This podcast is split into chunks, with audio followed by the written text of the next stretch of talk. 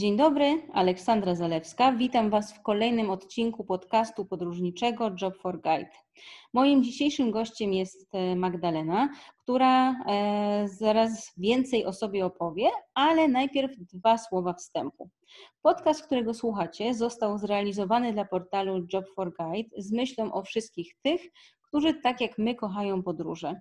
Platforma Job for Guide łączy specjalistów z branży turystycznej, biura podróży z kadrami turystyki, ale także podróżników i turystów z niezwykłymi przewodnikami z całego świata. Jednym z takich pilotów, przewodników jest właśnie Magda, która zaraz więcej Wam o sobie opowie. Czy mogłabyś? E, dzień dobry, nazywam się Magdalena Mańkowska i jestem pilotem, przewodnikiem nie tylko jako jest to mój zawód, ale jest to również moja ogromna pasja, także jestem przede wszystkim przewodnikiem z, z zainteresowania. Natomiast z wykształcenia jestem magistrem turystyki i rekreacji. W turystyce pracuję już od 27 lat. Super, bardzo Ci dziękuję. Czy w takim razie mogłabyś e, powiedzieć nam e, coś więcej? Gdzie przeważnie wyjeżdżasz, co pilotujesz, gdzie przewodniczysz? Krajem, który najbardziej kocham jest Francja. Jest to kraj, od którego zaczynałam w ogóle e, całą moją przygodę, później pracę właśnie jako pilot-przewodnik. I pierwsze dwa lata mojej pracy to była właśnie Francja. Francja, która od zawsze była takim moim pragnieniem, żeby ten kraj poznać yy, i to marzenie się spełniło poprzez moją pracę. Natomiast po dwóch latach od rozpoczęcia pracy zaczęłam yy, podróżować również po innych krajach i takimi moimi ulubionymi krajami są przede wszystkim kraje basenu Morza Śródziemnego, a więc Francja, Włochy, Hiszpania, Portugalia. Mhm. Ale wiem, że jesteś też przewodnikiem w Polsce, prawda? Tak. Jestem przewodnikiem w Polsce, y, jestem rodowitą szczecinianką i jednocześnie jestem przewodnikiem po Szczecinie, także po Pomorzu Zachodnim, przede wszystkim dla grup francuskojęzycznych, y, ale nie tylko. Y, oprowadzam również grupy angielskojęzyczne, ale przede wszystkim właśnie skupiam się na grupach francuskojęzycznych. Mhm. I jak tym grupom francuskojęzycznym podoba się Szczecin? Staram się go zawsze pokazać z takiej strony, którym, która jest interesująca dla Francuzów, a więc zawsze porównanie y, tego, czym przypomina na przykład Paryż, ponieważ Szczecin nazywany jest Małym Paryżem. E, a wzięło się to stąd, że y, wykorzystano przy rozbudowie w XIX wieku, kiedy zniesiono w 1873 roku e, miejskie e, mury, które otaczały Szczecin i te fortyfikacje pruskie, kiedy je zlikwidowano, wtedy zaczęto budować nową, y, nowe miasto w Szczecinie, nowe centrum i wtedy powstały y, gwiaździste y, place, ulice odchodzące od tych placów na kształt gwiazdy, na kształt właśnie ulic Paryża, ponieważ w XIX wieku Paryż był przebudowany również przez barona Hausmana, który był prefektem wtedy Paryża, który rozbudował Paryż, kiedy powstały wielkie bulwary, place gwiaździste, y, place i ulice od nich odchodzące. I e, to spodobało się bardzo e, władzom niemieckim. Szczecin był e, wtedy w XIX wieku, jak wiadomo, w granicach Prus. I wówczas został wybrany jako to miasto, które będzie właśnie miało to centrum miasta przebudowywane. Stąd podobieństwo do bulwarów do placów Paryża, szczególnie plac Grunwaldzki, który e, powstał w miejscu dawnego fortu Wilhelma, został wybudowany na wzór e, właśnie e, placu Gwiazdy Charles de Gaulle, który znajduje się w Paryżu, który jest takim właśnie najbardziej znanym placem, na którym znajduje się łuk triumfalny. I ja zawsze staram się wskazać Francuzom właśnie te podobieństwa. Poza tym Szczecin, trzeba pamiętać, że ze swojej historii on przez sześć lat był pod okupacją francuską właśnie w czasie wojen napoleońskich, także troszeczkę też tych pamiątek pozostało po Francuzach właśnie z tego okresu i staram się właśnie przedstawiać im to w ten sposób. Są bardzo zaskoczeni, ponieważ Szczecin nie jest tak chętnie odwiedzany przez Francuzów jak na przykład Kraków czy Warszawa, dlatego są bardzo często zaskoczeni, że tyle pamiątek właśnie francuskich pozostało w Szczecinie. Wow, a czy A czy w takim razie w Szczecinie znajdziemy też pyszne rogaliki francuskie?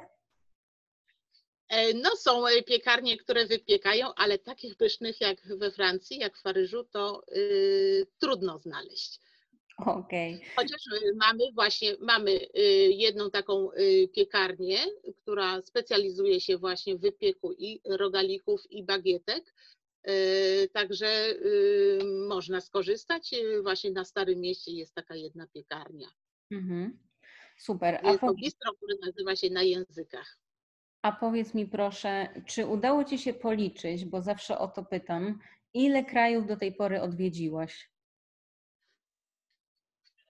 To trudno powiedzieć, bo jeżeli chodzi, może łatwiej byłoby powiedzieć, że pilotuję kraje do Europy, właściwie poza Skandynawią. Skandynawią nie zajmuje się, nigdy mnie jakoś Skandynawia nie pociągała, natomiast cała Europa y, zachodnia, południowa, środkowa y, i jeżeli chodzi o Europę y, Wschodnią, to Litwa. Także to są te kraje, które odwiedziłam no, w ramach właśnie pracy jako pilot przewodnik. Mhm. A powiedz, czy jest... te kraje... Czy, czyli tak, rozumiem, że spośród tych wszystkich krajów to właśnie Francja jest e, najbliższa Twojemu sercu, tak? Mm, tak. Y, to jest takie, mm, Francja była zawsze jakimś takim marzeniem od, od dzieciństwa. Y, wiadomo, że moje dzieciństwo w czasie, kiedy byłam dzieckiem, no, nie było takich możliwości, żeby wyjechać do Francji. E, ale bardzo lubiłam oglądać e, filmy francuskie. Chodziłam do kina. Moja mama kochała komedię francuską Louis de Finet, więc e, mnie i brata zabierała do kina, więc ja już od najmłodszych lat po prostu żyłam Louis de Finet, żyłam innymi aktorami francuskimi i chyba poprzez właśnie te filmy francuskie y, tak pokochałam Paryż, że kiedy ukończyłam szkołę podstawową, y, wybierając liceum, właśnie wybierałam specjalnie klasy z językiem francuskim.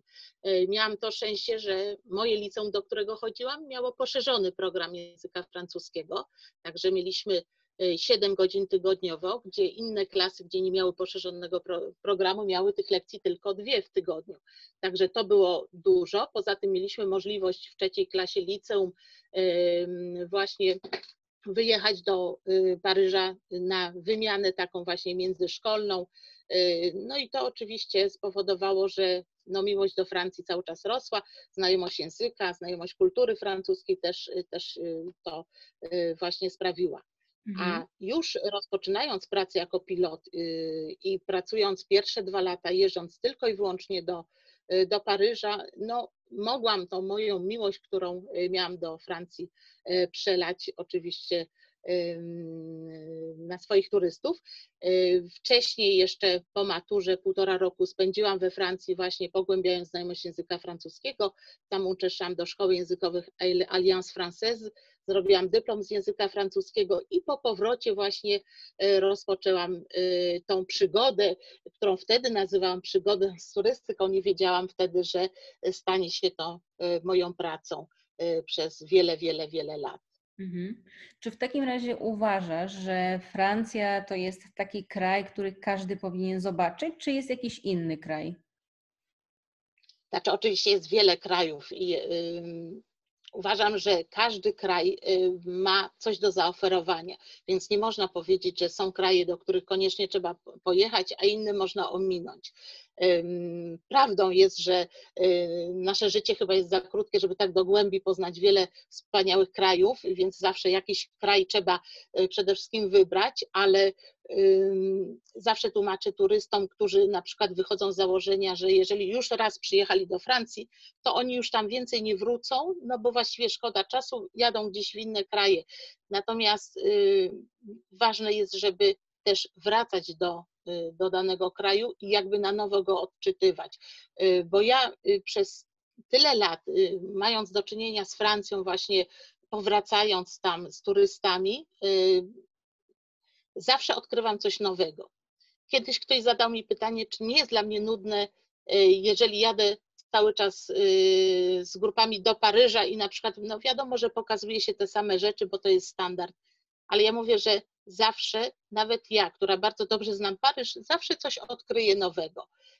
I nigdy ten czas nie jest stracony. I myślę, że, że pewnie warto jest wybierać jeden kraj i go bardzo dobrze poznać, ale uważam, że w każdym kraju coś, coś można zobaczyć. Dlatego nie chciałam zamykać się tylko na Francji. Mimo, że jest to moja pasja, jest to wspaniały kraj, y, który kocham od dziecka, ale uważam, że, y, że warto jest pokazywać turystom też inne kraje, ponieważ każdy kraj jest inny. Każdy kraj jest inny i ta różnorodność kulturowa właśnie sprawia, że, y, że jakiś po prostu mamy wtedy do siebie dystans. I y, podróże nie mają być tylko rozrywką, ale myślę, że też y, pełnią bardzo dużą y, funkcję edukacyjną, właśnie przez to, że stykamy się z różnymi krajami, z różnymi społeczeństwami, kulturą i to, nam, to nas po prostu ubogaca.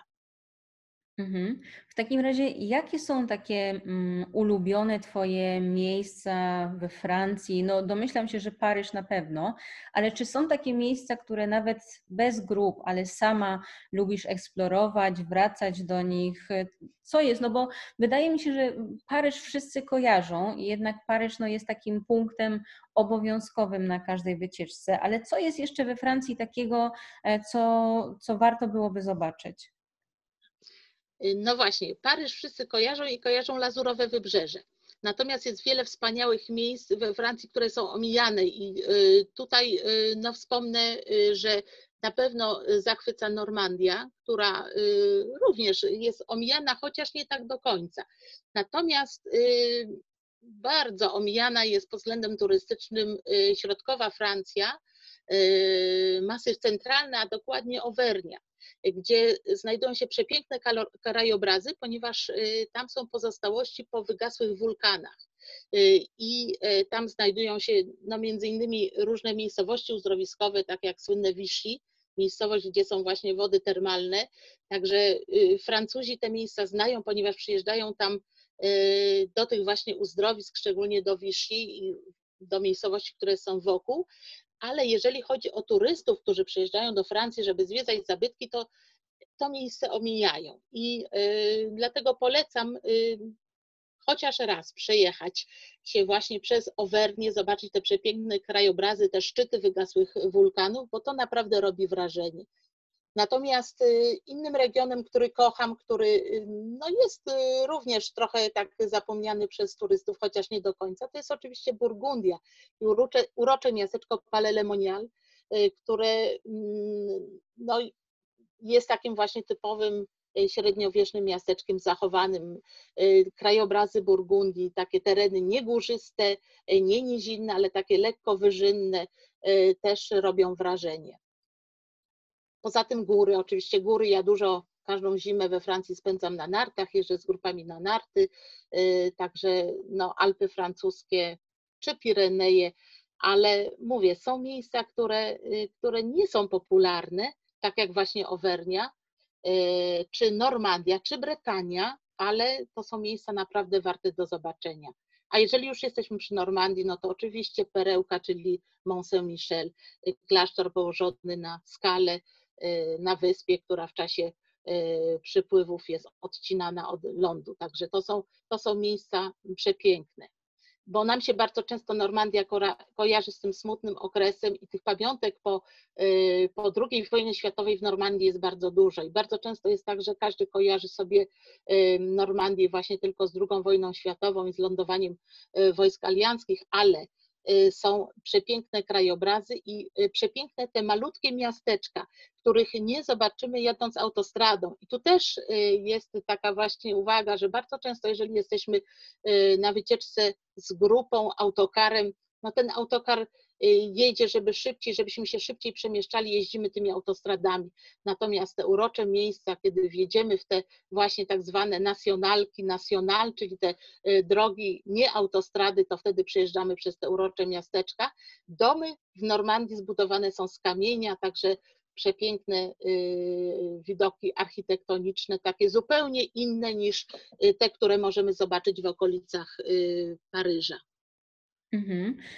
No, widoki, wydaje mi się, i architektura w Francji zdecydowanie zachęcają, ale e, taką rzeczą, która zawsze jest problematyczna, przynajmniej z mojego doświadczenia, to jest komunikacja, bo nie oszukujmy się, że mm, może coś się zmieniło, ale no raczej we Francji to po francusku, prawda? Generalnie bez francuskiego jest się bardzo ciężko dogadać. To prawda. Y, Francuzi no, pod tym względem są mm, tacy troszeczkę y, y, zamknięci w sobie. To znaczy, oni uważają język francuski za najpiękniejszy, najważniejszy, oni znają angielski, znają y, niemiecki, szczególnie y, ci Francuzi właśnie w Alzacji, w Strasburgu, y, tam znają niemiecki, tylko to jest na takiej zasadzie, że oni znają, ale niekoniecznie chcą mówić. I bardzo często jest tak, że rozmawiałam też z koleżankami, kolegami pilotami, którzy mówili, że przyjeżdżali do, do Francji, do hotelu, mówili po angielsku, no to po prostu im odpowiadali po francusku, ale odpowiadali i rozumieli, co się do nich mówi, także znają ten język angielski. Także jest, jest to prawda. Francuzi są dumni ze swojej historii, są dumni ze swojego języka i tak go e, chcą promować. Natomiast jest taka właśnie anegdotka też o, o tym, jak y, Francuzi postrzegają y, inne narody, że są bardzo właśnie otwarci, są życzliwi, ale mówi się często, że ta życzliwość wynika z tego, że oni współczują innym e, narodom, że nie są Francuzami. Także ta anegdotka właśnie coś też świadczy o tym, że Francuzi no, są troszeczkę zarozumiali i dlatego to, y, jeżeli, jeżeli o tym wiemy, to nie mamy do nich y, o to żalu. Natomiast no, język francuski jest pięknym językiem, ale no, wiadomo, że, że no, nie każdy go musi znać. Y, myślę, że teraz już jest, y, troszeczkę się to zmienia. Y, rzeczywiście, jak ja rozpoczynałam pracę, to było tak, że piloci, którzy nie znali francuskiego, no mieli problem we Francji. Dzisiaj już troszeczkę jest jednak inaczej, ci młodzi przełamują się na te inne języki, szczególnie angielski. Mhm. No, w takim razie mm, jednak wydaje mi się, e, że no sensowniej jest jechać z kimś, kto no ma nie tylko właśnie doświadczenie, nie tylko doświadczenie w terenie, ale też jednak znajomość tego języka. No i do tego jeszcze dochodzi pewnie znajomość kuchni, no bo nie oszukujmy się, że kuchnia to też jest zawsze coś, co e, przyciąga e, turystów do danego kraju. I no wszyscy oczywiście znają francuskie wina, bagietki, ale czy są jakieś takie dania, takie dania nietypowe może, które mogłabyś polecić, e, które właśnie pochodzą z tych regionów mało odwiedzanych? Znaczy, zawsze kojarzy się nam kuchnia przede wszystkim właśnie z tym klimatem śródziemnomorskim. Y, mówimy, że kuchnia francuska jest y, śródziemnomorska, no i na przykład y, są takie rzeczy, których nie spotkamy. Na przykład ja mieszkając we Francji przez półtora roku, no bardzo brakowało mi takich naszych specyfików, jak na przykład ogórki kiszone czy kapusta kiszona. Tego Francuzi nie jedzą. Natomiast jest jeden region, gdzie kapustę kiszoną można spotkać. To jest region Alzacja y, i tam jest słynne takie właśnie danie y, kapusta kiszona z kiełbaskami alzackimi, ale to wynika z tego, że jest to region przy granicy z Niemcami. Wiemy, że Niemcy w kuchni niemieckiej też Y, dużo tej kiszonej kapusty jest i to jest związane z tym, że Alzacja y, w różnych okresach swojej, swojej historii nie zawsze y, była częścią Francji, była również w granicach Niemiec, stąd ta kuchnia troszeczkę niemiecka przenikała do, do Francji, więc jeżeli ktoś znajdzie się w Alzacji, na przykład w Strasburgu, pójdzie do restauracji, może się bardzo zdziwić, że zobaczy taką kuchnię ciężką właśnie na bazie Y, też kiszonej kapusty. Ale jeżeli chodzi o całą Francję, to jest to typowo y, kuchnia śródziemnomorska. Y, natomiast z takich potraw, które też nie są typowe dla Francji, no to w górach, wiadomo, w Alpach spotkamy się z charakterystyczną potrawą, czyli fondue, gdzie właśnie mamy topiony ser, w którym zanurza się kawałki bagietki. Jest to ulubione danie narciarzy, także zawsze, jeżeli przyjeżdża się z grupami narciarskimi, organizuje się różne takie właśnie kolacje w tych stacjach narciarskich, w restauracjach, bo jest to największa atrakcja właśnie wieczorem przyjść sobie na, taki, na takie fondue, siedzi się właśnie przy tym garnku z tym roztopionym serem, czasami są to mieszanki kilku serów, do tego mm, oczywiście dobre wino i tak można, można siedzieć cały wieczór. Y, natomiast y, to, co jest charakterystyczne dla y, Francji, to oczywiście ta słynna bagietka i tutaj trzeba pamiętać, że prawdziwa taka bagietka, no to ona jest świeża przez, przez kilka godzin. Potem ona robi się twarda, kamienieje i dlatego Francuzi, którzy przede wszystkim takim ich głównym posiłkiem jest kolacja, kiedy wszyscy, cała rodzina wraca do domu po, po pracy, po szkołach i wtedy wszyscy zasiadają do stołu. Oczywiście nieodzowna jest ta bagietka, dlatego mm, piekarnie pieką bagietki dwa razy dziennie, rano i wieczorem. Y, takim późnym popołudniem, właśnie po to, żeby można było przed kolacją pójść do piekarni i kupić świeżą bagietkę. Mhm. No dobrze, ale w takim razie, czy są takie miejsca e, z Twojego doświadczenia zawodowego, które najbardziej lubisz pokazywać turystom i które najbardziej właśnie turyści we Francji lubią? Y, jeżeli chodzi o, y, o te właśnie regiony, wspomniałam już o Lazurowym Wybrzeżu, ono dla mnie mm, to nie jest takie bardzo ulubione dla mnie osobiście miejsce, ponieważ ono jest za bardzo skomercjalizowane. Natomiast no, jednak turyści lubią, bo to jest ta, ta magia tego słowa lazurowe wybrzeże, jednak to skojarzenie właśnie z tą Francją. No, lubię właśnie, jeśli chodzi o lazurowe wybrzeże, te miejsca, które troszeczkę są y, w zaciszu tego całego szumu lazurowego wybrzeża, y, a mianowicie y, kanion Verdon. Jest to przepiękne miejsce, gdzie można właśnie popływać z turystami. Często właśnie, jak jestem z grupami na lazurowym wybrzeżu, jedziemy do kanionu Verdon, tam wypożycza się rowery wodne. Godzina kosztuje 40 euro, cztery osoby mogą wejść, także po 10 euro na osobę i wtedy godzinę pływania y, wzdłuż właśnie tego kanionu tymi rowerami wodnymi. Także jest to cudowna y, sprawa, właśnie człowiek troszeczkę odetchnie od tego y, zgiełku. Ponieważ same te miasta na Lazurowym Wybrzeżu, one oczywiście są tłumnie Y, odwiedzane przez turystów, y, chociaż Nicea y, są takie momenty, kiedy wieczorem, kiedy już jest trochę spokojniej, pochodzić sobie po Starym Mieście w Nicei. Mm, ale myślę, że, że jednak turyści, ci, którzy przyjeżdżają pierwszy raz do Francji, zawsze będą chcieli pojechać do Paryża, będą chcieli pojechać do, na Lazurowe Wybrzeże, natomiast nie bardzo będą chcieli odwiedzać te miejsca takie mniej znane.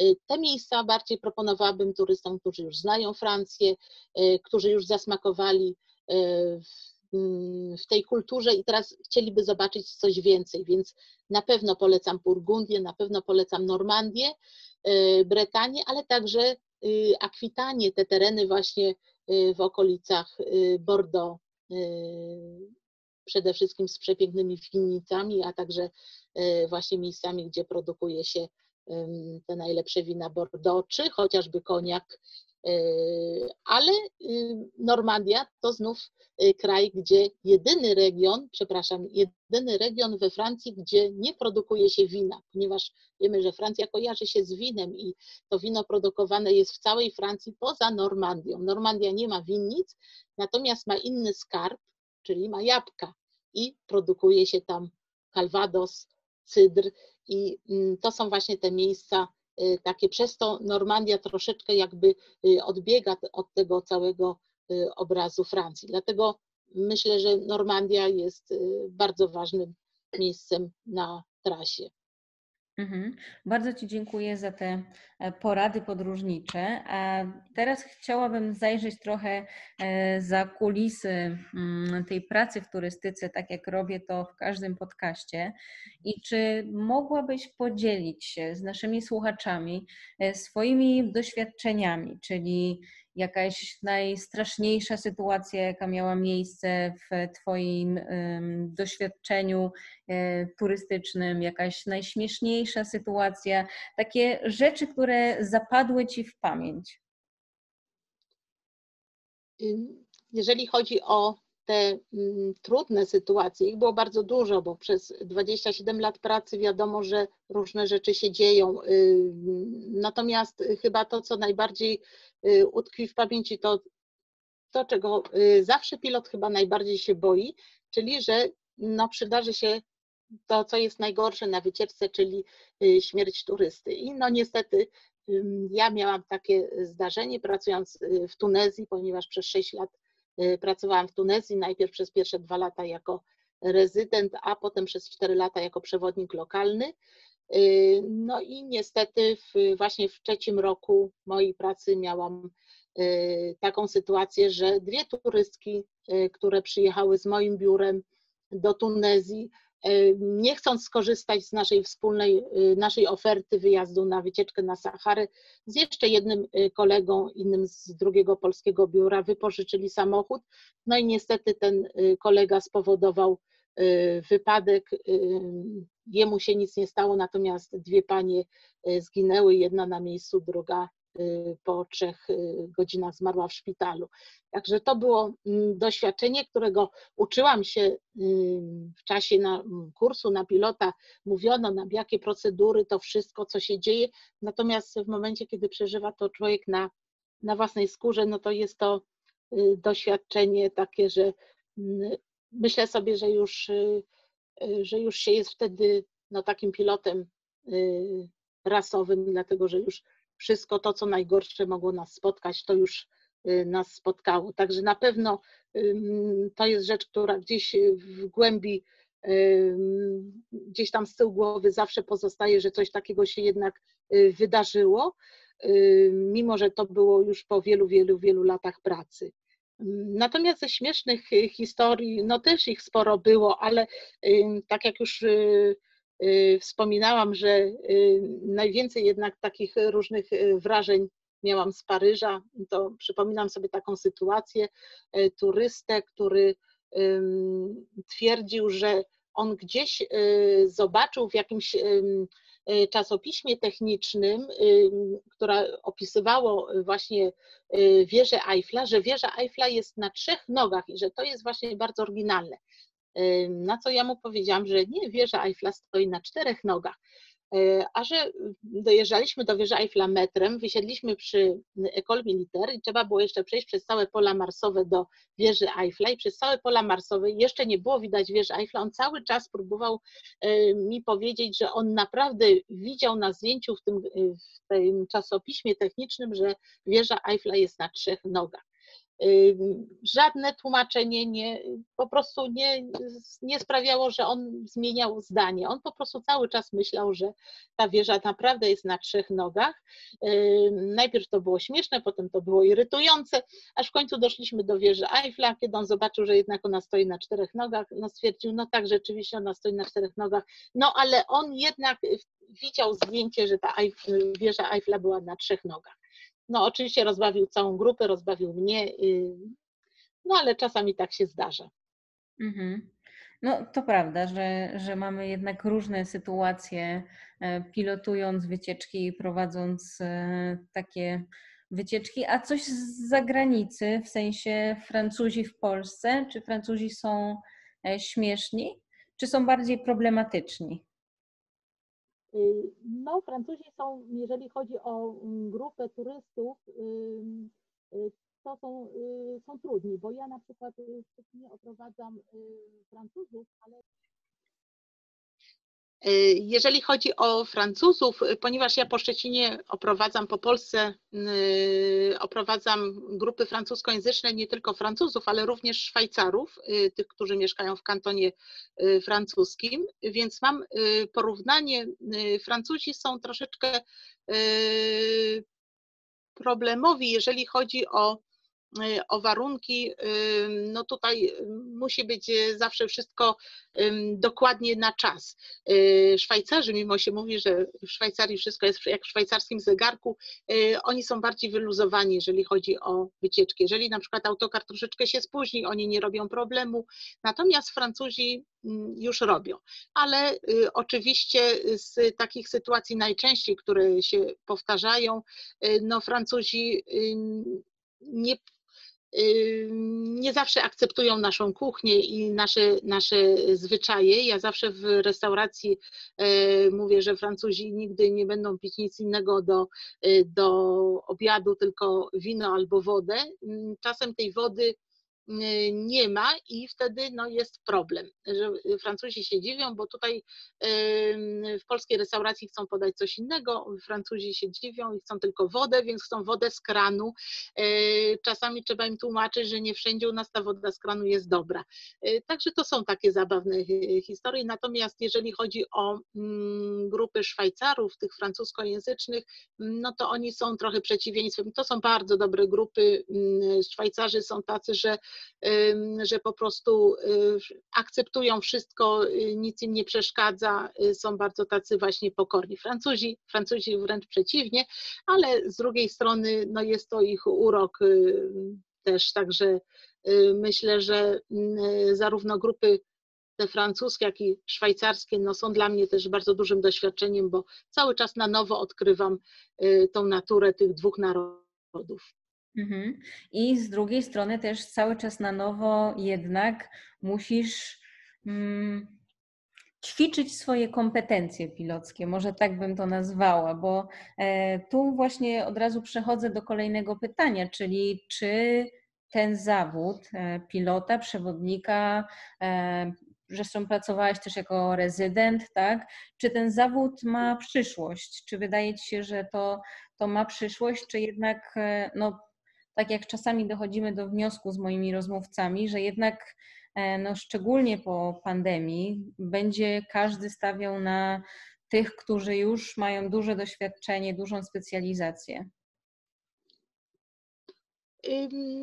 Oczywiście, tylko że trzeba pamiętać, że y, zawód pilota to jest doświadczenie, to jest oczywiście bardzo dużo, y, znaczy doświadczenie. Natomiast y, przede wszystkim y, dobry pilot to jest taki, który ma predyspozycję do tego, bo można mieć y, bardzo duże doświadczenie, można nie mieć predyspozycji, można być początkującym pilotem, ale który ma predyspozycję i bardzo szybko jakby mm, przenika to, dlatego że doświadczenie, tak jak mówiłam, jest bardzo ważne, tylko że mm, czasem jest tak, że na kursie y, otrzymujemy różne informacje, co się może wydarzyć, ale wiadomo, że to się może nam przytrafić albo nie musi się przytrafić. Y, niektórzy piloci po trzech latach y, pracy y, mają już takie doświadczenie, jak niektórzy piloci po 20 latach pracy, w sensie doznanych sytuacji, przygód, właśnie wspomnianych takich ekstremalnych wydarzeń, jak śmierć uczestnika wycieczki. Także czasem to doświadczenie ktoś może bardzo duże może zdobyć w ciągu trzech lat, a z drugiej strony może być pilot, który będzie 20 lat pracował i pewnych rzeczy nie doświadczy, bo będzie miał szczęście, że nigdy e, nie zdarzyło, nie zdarzyła mu się poważniejsza awaria autokaru, która na przykład posypała mu cały program, nie zdarzyła mu się śmierć e, e, turysty, nie zdarzyły się jakieś właśnie jakieś groźne rzeczy. Czasami jest tak, że jedziemy na 11-dniową wycieczkę i się nie dzieje kompletnie nic, znaczy nic w sensie negatywnego, wszystko nam się układa, realizujemy program, nie mamy żadnych przeszkód, nic nam się nie psuje, nikt nie choruje, a czasami jest tak, że jedziemy na pięciodniową wycieczkę i trzy razy wzywa się Y, pogotowie, bo, bo są takie sytuacje. Ja miałam wyjazd kiedyś dwunastodniowy do Francji, gdzie mm, dwa razy y, do dwóch osób wzywałam y, karetkę pogotowia, a trzecia osoba w Lourdes na moich oczach zresztą została potrącona przez samochód i też znalazła się w szpitalu. I to wszystko było na jednej wycieczce dwunastodniowej. Także tutaj jest tak, że wszystko zależy od tego też, jakie pilot ma szczęście, w sensie takim w cudzysłowiu, czy jak w czasie jego pracy, czy dzieją się różne takie rzeczy, które wzbogacają jego doświadczenie, czy po prostu ma szczęście, że, że jeździ sobie na wycieczki i ma wspaniałych klientów, którzy nie, nie narzekają, y, nic się nie dzieje i właściwie on twierdzi, no to jest fantastyczna praca, tam się nic takiego y, poważnego nie dzieje. Natomiast są piloci, którzy no, doświadczają cały czas różnych takich sytuacji i wtedy można powiedzieć, że ci piloci oni zdobywają doświadczenie czasem nawet w ciągu dwóch, trzech lat. Także myślę, że jeżeli jest to kierowane takie pytanie o to, czy młodzi ludzie, którzy y, wchodzą w życie zawodowe i chcą pracować jako pilot, y, czy mają szansę, szczególnie po pandemii, gdzie wiadomo, że tych wyjazdów grupowych będzie, będzie trochę mniej, to myślę, że w ogóle y, forma turystyki się będzie powoli zmieniać, ale myślę, że, te, że osoby te, które mają predyspozycje, które które potrafią sobie poradzić właśnie w bardzo trudnych sytuacjach, takich kryzysowych, one po prostu zdobędą bardzo szybko doświadczenie i myślę, że każdy organizator, który, y, który y, od wielu lat zatrudnia pilotów, on potrafi od razu rozpoznać, czy pilot sobie w jakiejś sytuacji poradzi, czy nie. Czasem kilka, kilka y, minut rozmowy z, ze świeżym pilotem, po takiej rozmowie można się zorientować, czy on by sobie w takiej sytuacji poradził. Mhm. Także myślę, że, że tutaj szansa jest dla wszystkich. Czyli jednym słowem stawiamy na predyspozycję. I to jest najważniejsze. I zaangażowanie personalne, bo wydaje mi się, że tutaj też duże znaczenie ma to, no bo nie oszukujmy się, że każdy z nas kiedyś zaczynał, prawda? Każdy kiedyś musiał pierwszy raz gdzieś pojechać, że no też kwestia personalna właśnie, jak kto do tej pracy podchodzi, e, czy ktoś wychodzi z założenia, że e, jedzie na wakacje, czy ktoś wychodzi z założenia, że jednak no, trzeba się przygotować, czyta książki, ogląda filmy, e, studiuje, przygotowuje notatki i jakby chce w czasie takiego wyjazdu, zwłaszcza mówimy tutaj o objazdówkach, dzielić się z klientami swoją wiedzą. No bo nie oszukujmy się, że każdy pewnie kto nas dzisiaj słucha, e, ma swoje jakieś doświadczenia turystyczne i może był na jakiejś zorganizowanej wycieczce i miał szczęście, większe lub mniejsze, właśnie trafić na kogoś, kto naprawdę z pasją podchodzi do swojej pracy, no albo trafił na kogoś, kto właśnie podchodzi do swojej pracy jako do wakacji. Y, to prawda. Y, tutaj y, przede wszystkim właśnie trzeba podkreślić, że praca pilota to nie jest wyjazd na wakacje i osoby, które pracują w tym zawodzie muszą wiedzieć, że w momencie, kiedy turyści sobie spokojnie śpią. Często pilot y, późno w nocy jeszcze mm, coś tam analizuje, coś sprawdza, coś jeszcze podlicza, y, czy konsultuje z kierowcą, jak, jak co zrobić, żeby było dobrze, żeby jak, jak najwięcej y, zobaczyć. Czyli to jest bardzo ważne też, czy ktoś ma tak, predyspozycję, czyli jest odporny psychicznie na różne sytuacje, które mogą się zdarzyć nagle, bo my nie wiemy na przykład, czy y, za chwileczkę coś się w naszym programie nie posypie, bo na przykład y, zepsuje nam się autokar, czy na przykład ktoś nam zaginie, no są bardzo różne sytuacje, więc y, te predyspozycje do szybkiego reagowania, ale y, przede wszystkim trzeba mieć w sobie takie właśnie poczucie y, odpowiedzialności, że nie jest się na wakacjach. Często turyści mówią, pani to ma fajną pracę, bo pani cały czas jest na wakacjach. Ja wtedy mówię, nie, na wakacjach ja jestem wtedy, kiedy jestem sama, jestem z tym, z kim chcę i y, jadę w miejsce, które chcę, natomiast tutaj ja cały czas jestem w takim pewnym napięciu, bo muszę po prostu liczyć się z tym, że w każdej chwili będę musiała zmienić program, bo wydarzy się coś, co zakłóci ten przebieg, a z drugiej strony wiem, że program jest bardzo ważny i muszę go zrealizować, czyli muszę wiedzieć, co jak zachować się w sytuacji, kiedy um, będzie się sytuacja pogarszała, na przykład będzie czyjaś choroba, ktoś trafi do szpitala, będzie trzeba troszeczkę zmienić, zmienić program, ale trzeba będzie go tak zmienić, żeby on jednak był wypełniony, dlatego że każdy turysta no, tego oczekuje.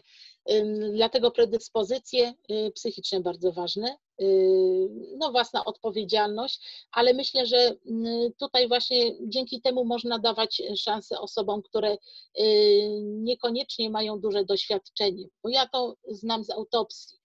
Y, moja pierwsza wycieczka do Paryża w lipcu 1993 roku, w okresie, kiedy Francja obchodziła właśnie swoje święto największe narodowe, czyli rocznicę zburzenia Bastylii. To był ten okres, kiedy pierwszy raz pojechałam. Y, miałam na miejscu lokalnego przewodnika, natomiast ja nie miałam kompletnie żadnego doświadczenia y, jako pilot. Nie pracowałam nigdy wcześniej w turystyce, natomiast zaufano mi, ponieważ moim atutem była bardzo dobra znajomość miasta i bardzo dobra znajomość języka. Zaufano mi i y, rozpoczęłam pracę właśnie y, bez, y, bez jakiegokolwiek przygotowania czy kursu. Kurs robiłam dopiero dwa, raz, dwa lata później, po to, żeby mieć dokument, no bo wtedy to było wymagane. Natomiast dziękuję właśnie tym, którzy mi zaufali, bo okazało się, że, że jednak właśnie to jest to, w czym się czuję bardzo dobrze. I dlatego myślę, że trzeba dawać szansę młodym pilotom i po prostu sprawdzać, sprawdzać ich, wysyłać na jakieś wyjazdy stażowe i zorientować się, jak, jak się po prostu zachowują. Czasami od razu można się zorientować, czy ktoś się angażuje w pracę, y, czy ktoś po prostu jedzie jako stażysta gdzieś tam z boku, tylko się przygląda i się w nic nie angażuje. Bo tutaj też bardzo ważne jest to takie osobiste zaangażowanie y, pilota w pracę. E, wypełniamy program, wykonujemy, realizujemy program, ale czasami jest tak, że e, jeżeli e, pilot ma inicjatywę, to zrobi coś więcej. Oczywiście, jeżeli jest na to czas i nie kosztem tych rzeczy, które są w programie. Jeżeli mamy czas, zrobimy coś więcej, czyli ta, ta mm, inicjatywa pilota też jest bardzo ważna, bo to ludzie widzą, czy pilot się angażuje, czy po prostu mm, no, wypełnia pracę tylko po to, żeby, żeby wszystko było dobrze. Mhm. A czy możesz w takim razie powiedzieć, jak e, obecna sytuacja epidemiczna wpłynęła na e, Twoją karierę? No, y, zatrzymała ją w tym momencie, wiadomo, bo y, mój ostatni y, wyjazd to, była, to był styczeń narty jeszcze, które się odbyły, natomiast już narty w marcu we Francji już nie doszły do skutku, także y, od, y, można powiedzieć, od lutego do dnia dzisiejszego no, moja kariera jak zawodowa jest zawieszona, także, także wszystko będzie zależało od tego, co będzie dalej. Mam nadzieję, że E, że powoli wszystko będzie wracało do normy, chociaż zdaję sobie sprawę, że no, ten obraz naszej pracy może już troszeczkę inaczej wyglądać e, po pandemii. Musimy też e, no, przygotować się na to, że, że będzie to troszeczkę inna, inna forma, mniejsze grupy pewnie inaczej prowadzone i myślę, że tutaj jest też, będziemy się pewnych rzeczy jakby na nowo uczyć. Y, już musimy zapomnieć o tych y, masowych wyjazdach, myślę, i po prostu przestawiać się na, y, na mniejsze grupy. Także zobaczymy tutaj. Myślę, że wszystko rozstrzygnie się wiosną, czy będziemy powoli wracać do naszego zawodu. Ja mam nadzieję, że, że tak, także, także staram się pozytywnie myśleć. Mhm. No ale na pewno e, ta sytuacja dała Tobie, tak jak i wszystkim, do myślenia, e, no bo jednak e, to jest długi, długi czas bez pracy. Kim byłabyś, gdybyś nie była pilotem wycieczek? No właśnie, i tutaj jest ciekawe pytanie, ponieważ no tak właściwie to sobie nie wyobrażam, kim bym była, chociaż wcale od samego początku nie myślałam o tym, żeby pracować w turystyce. Jeszcze w liceum miałam zupełnie inne zainteresowania. E, zresztą zdawałam na stomatologię. To było moje wymarzone, mój wymarzony zawód i wydawało mi się wtedy, jak się nie dostałam na wymarzoną stomatologię, że właściwie no to ja już nie wiem, co ja będę w życiu robić. E, I wtedy wyjechałam do Francji szkolić język, bo stwierdziłam, że na razie podszkolę język tak, żeby zrobić dyplom, no bo wiadomo, że ta edukacja na poziomie szkoły średniej, no to troszeczkę za mało i wtedy mówię, zastanowię się, co będzie dalej i wtedy będąc jeszcze właśnie przed ukończeniem, przed zrobieniem dyplomu dostałam taką właśnie wstępną propozycję współpracy z biurem podróży. To było wtedy pierwsze biuro podróży prywatne w Szczecinie, które właśnie zaproponowało mi, żebym pracowała jako pilot, e, jeździła z wycieczkami do Paryża. I e, ta propozycja jakby też wtedy mm, zorientowałam się, że, że to wcale nie jest tak, że musimy zawsze to samo w życiu robić. Ale kiedy Y, zaczęłam pracować w turystyce, mm, skończyłam studia, y, właśnie Wydział Turystyki i Rekreacji na WF-ie w Poznaniu. Y, wtedy stwierdziłam, że no to jest właśnie to, co ja chciałam robić i nie mogłam sobie potem już wyobrazić, jak ja bym się czuła przy fotelu dentystycznym. Natomiast dzisiaj widzę, że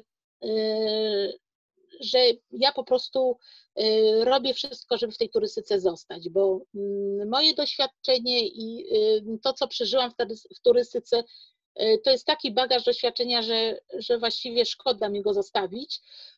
Myślę, że większy dylemat mają osoby młode, które wchodzą w, ten, w to życie zawodowe, bo przed nimi jest jakby całe to, to życie zawodowe jeszcze i rzeczywiście mogą zadać sobie pytanie. Ja myślę, że chcę po prostu robić wszystko, że, żeby tą turystykę jeszcze e, jakoś może też podtrzymywać e, inne formy, wchodzić w inne formy, troszeczkę bardziej online. Opracowuję różne trasy. Teraz właśnie jestem w trakcie opracowywania tras po Szczecinie, przede wszystkim dla mieszkańców Szczecina e, penetrowanie miasta, takich różnych ciekawych zakątków, e, do których nawet mieszkańcy nie trafiają. Myślę, że e, właśnie w formie online, bo chyba tak powoli będzie trzeba na taką formę przechodzić. Natomiast, natomiast myślę, że, że będę starała się jednak y, w tej turystyce zostać, no chyba, że już po prostu e, zupełnie to będzie upadać. No ja dodatkowo jeszcze pracuję jako tłumacz techniczny języka francuskiego, ale wiadomo, że to jest dodatkowa rzecz. No, turystyka jednak jest moją pasją i y, pasją, która jest jednocześnie zawodem, więc trudno mi jest teraz y, zobaczyć jakąś, jakiś inny zawód, który który byłby również y, moją pasją, więc ciężko mi by było się teraz przedstawić, chyba że no, sytuacja spowoduje to, że po prostu będę zmuszona do odejścia z turystyki i zajęcia się czymś innym.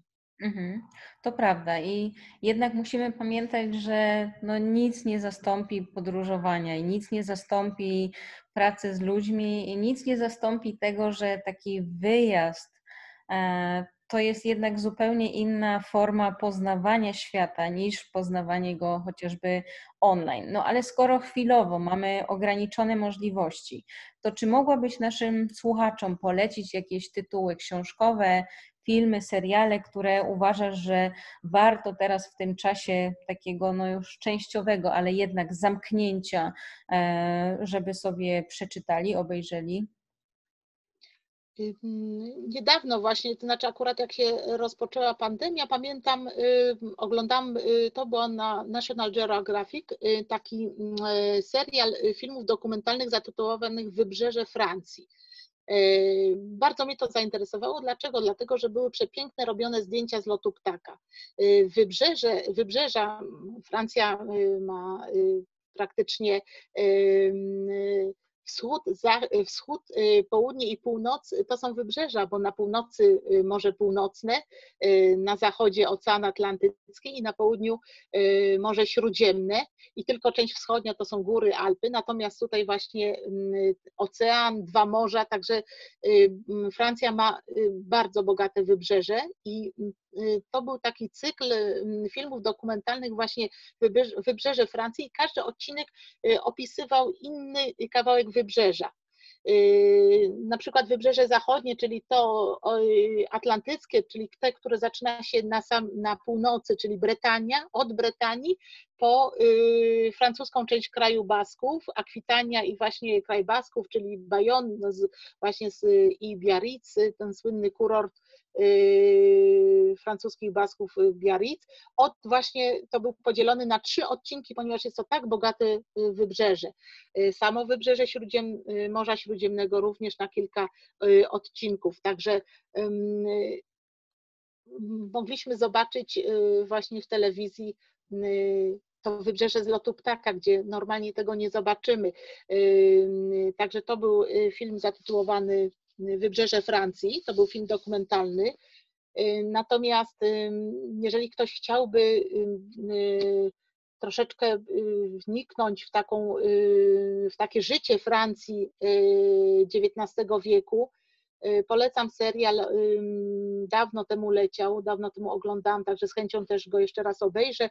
W kilku odcinkach to był serial zatytułowany Rzeka Nadziei.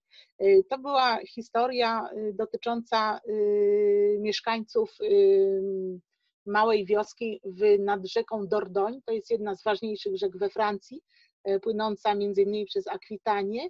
Była to historia flisaków, którzy właśnie na tratwach Y, zwozili drewno z gór, tam gdzie wycinali y, drzewa, y, potem spływali w dół, do, przywozili to drewno do tartaków. I cała tragedia tych Francuzów polegała na tym, że kiedy zaczęto budować żelazną kolej, okazało się, że będzie budowany również trasa wzdłuż rzeki Dordoń i że już nie będą potrzebni ci flisacy, ponieważ to drewno będzie wożone pociągiem. I cała historia walki tych Y, właśnie ludzi, którzy nie potrafili pogodzić się z tym, że mm, no, zmieniają się czasy. To takie troszeczkę nawiązanie do tego, co, y, co my możemy dzisiaj przeżywać, co będzie po pandemii, czy się nasze życie nie zmieni. I wtedy tak, taką tragedią dla tych Francuzów było to, że budowano kolej żelazną, co dzisiaj dla nas byłoby dziwne, bo przecież kolej żelazna stała się jednak rozwojem y, również turystyki. Natomiast dla nich, dla, tych, dla ich małego świata, to był było strasznym zagrożeniem, bo kończył się świat, który oni znali, czyli flisacy już nie byli potrzebni. Także to, jeżeli ktoś się interesuje właśnie szczególnie historią życia Francuzów w XIX wieku, to, to bardzo polecam ten film. Tytuł właśnie Rzeka Nadziei. Mhm, super, bardzo Ci dziękuję. To w takim razie powiedz mi jeszcze na koniec, gdzie wyjedziesz, jak już się ruszysz?